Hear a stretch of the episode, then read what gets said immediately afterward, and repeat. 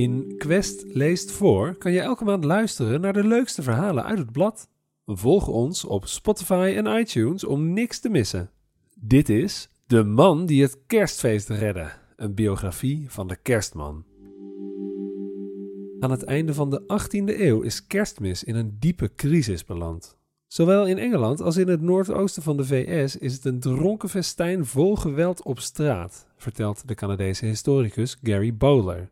Rellende meutes, aanvallen op katholieken en Afrikaanse Amerikanen. Het is alles behalve het warme familiefeest dat we tegenwoordig huis vieren en waarvoor we dozen vol versieringen van zolder halen. Het feest waarover Bowler zelfs tijdens zijn vakantie enkele maanden voor kerst graag een interview geeft. I'm always happy to talk about Christmas, verklaart hij.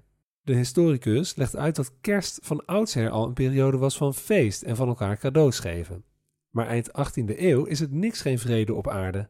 Hij zegt: Veel protestanten moesten toch al helemaal niks van kerstmis hebben. Ze vonden het te katholiek. En nu is het ook nog eens een feest geworden voor beschonken types uit de lagere klasse.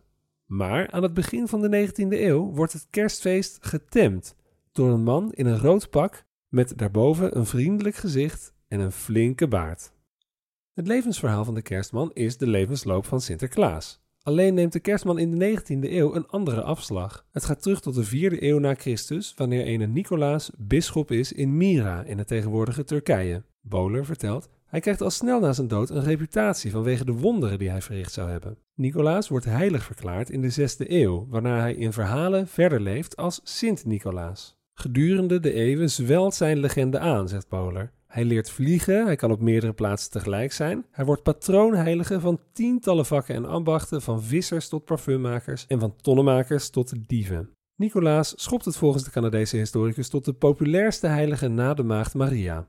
Vanaf de 10e eeuw richt een deel van de cultus rond Sint-Nicolaas zich op kinderen. Niemand weet precies hoe en waar, maar hij wordt dan de geheimzinnige nachtelijke cadeautjesbrenger voor kinderen. Dat doet hij in de nacht van 5 op 6 december, want de 6e zou de dag zijn waarop hij stierf.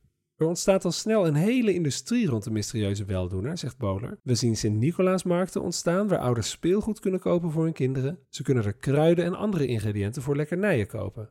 Maar dan komt de protestantse reformatie in de 16e eeuw. Protestanten van de 16e eeuw moeten niks hebben van de katholieke heiligen. Bowler zegt: In het Engeland van na Mary I, de laatste katholieke koningin, kan ik geen verwijzingen meer vinden naar Sint-Nicolaas als brenger van cadeaus. Sinterklaas wordt massaal de deur gewezen. Maar de traditie van elkaar cadeaus geven in december blijft bestaan. De geschenken verschuiven richting kerstmis. Baby Jezus doet het leuk in de kerststal, maar hij is niet de ideale kandidaat voor de vacature van decembergoedzak, legt Bowler uit. Om te beginnen kan het kinderke geen grote zak met cadeaus dragen. Maar hij gaat je ook niet bang maken, zegt hij. Hij zal je niet slaan met een roe. Traditioneel was de heilige Nicolaas niet alleen vriendelijk, hij kon je ook straffen als je stout was geweest.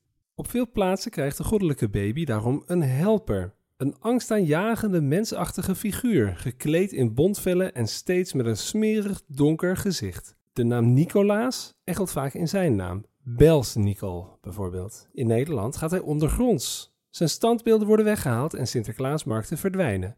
Maar via de schoorsteen blijft hij welkom bij gezinnen. Nederlanders die naar Nieuw-Amsterdam emigreren, dat later de naam New York krijgt, nemen hun gebruiken mee.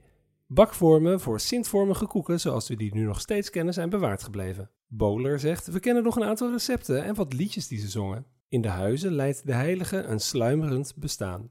Tot hij begin 19e eeuw zijn mijter boven het maaiveld uitsteekt als Washington Irving zijn satirische Knickerbockers History of New York schrijft. In het boek uit 1809 vliegt Sint-Nicolaas over de daken in een kar, getrokken door paarden.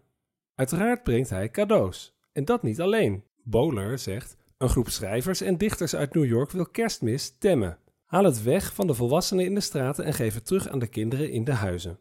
De schrijvers reanimeren de nachtelijke bezoeker. Bowler, het hoofd van de New York Historical Society, publiceert in 1810 een pamflet met een afbeelding van Sint als bisschop, een braaf meisje, een sok met speelgoed, een huilende jongen, een sok met twijgen. De figuur herrijst ook in andere plaatsen in de VS. Hoe hij heet hangt af van wie je het vraagt. Santa Claus, Santa Claus, Santy Claw. Zijn definitieve Amerikaanse make-over beleeft hij in 1821. Dat jaar verschijnt een gedicht, A Children's Friend, dat aan de basis staat van de huidige kerstman. Op de plaatjes bij het vers zien we een man die geen mijter draagt, maar een bondmuts. Hij draagt ook geen tabbert, maar een lang rood gewaad en een paar zwarte laarzen. Hij komt op een slee, afgeladen met cadeaus en voortgetrokken door een rendier. Op kerstavond komt hij, vertelt het gedicht, en hij kijkt wat hij zal achterlaten in de sokken van de slapende kinderen. Speelgoed? Of toch maar een takkenbos, zodat de ouders een pak slaag kunnen geven. Op zijn muts staat zijn naam, Santa Claus. Het is een revolutie, vertelt Bowler. Sint-Nicolaas is geseculariseerd. Hij kan protestant zijn, katholiek, alles. Zijn bezoek is verschoven van 5 december naar de 24ste en zijn slee met rendier verwijst naar de koude Noord-Amerikaanse winter. Toch is de kerstman nog niet in steen gebeiteld. Het gedicht is ook weinig bekend. Dat komt doordat vlak daarna een ander gedicht verschijnt, zegt Bowler. "'Twas the night before Christmas, when all through the house not a creature was stirring, not even a mouse, draagt de historicus voor.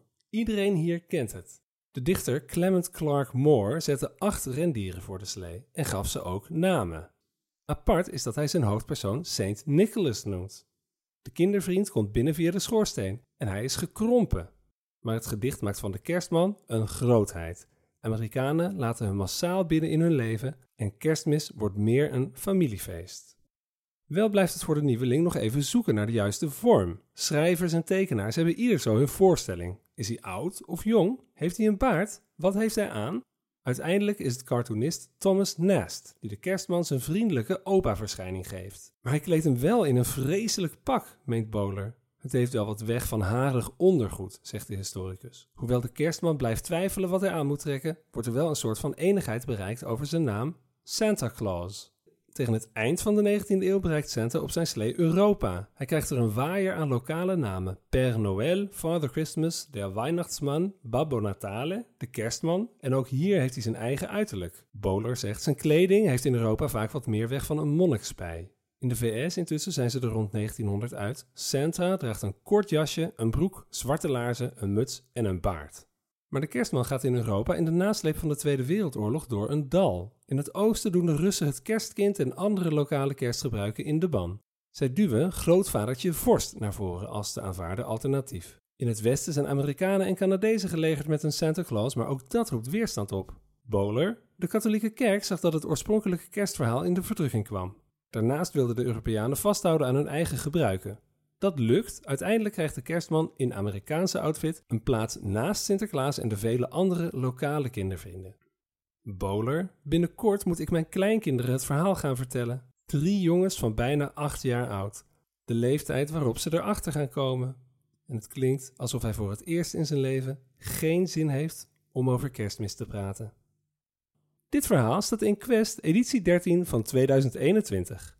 Benieuwd naar alle Quest-verhalen? Kijk voor een abonnement of losse exemplaren op shop.quest.nl.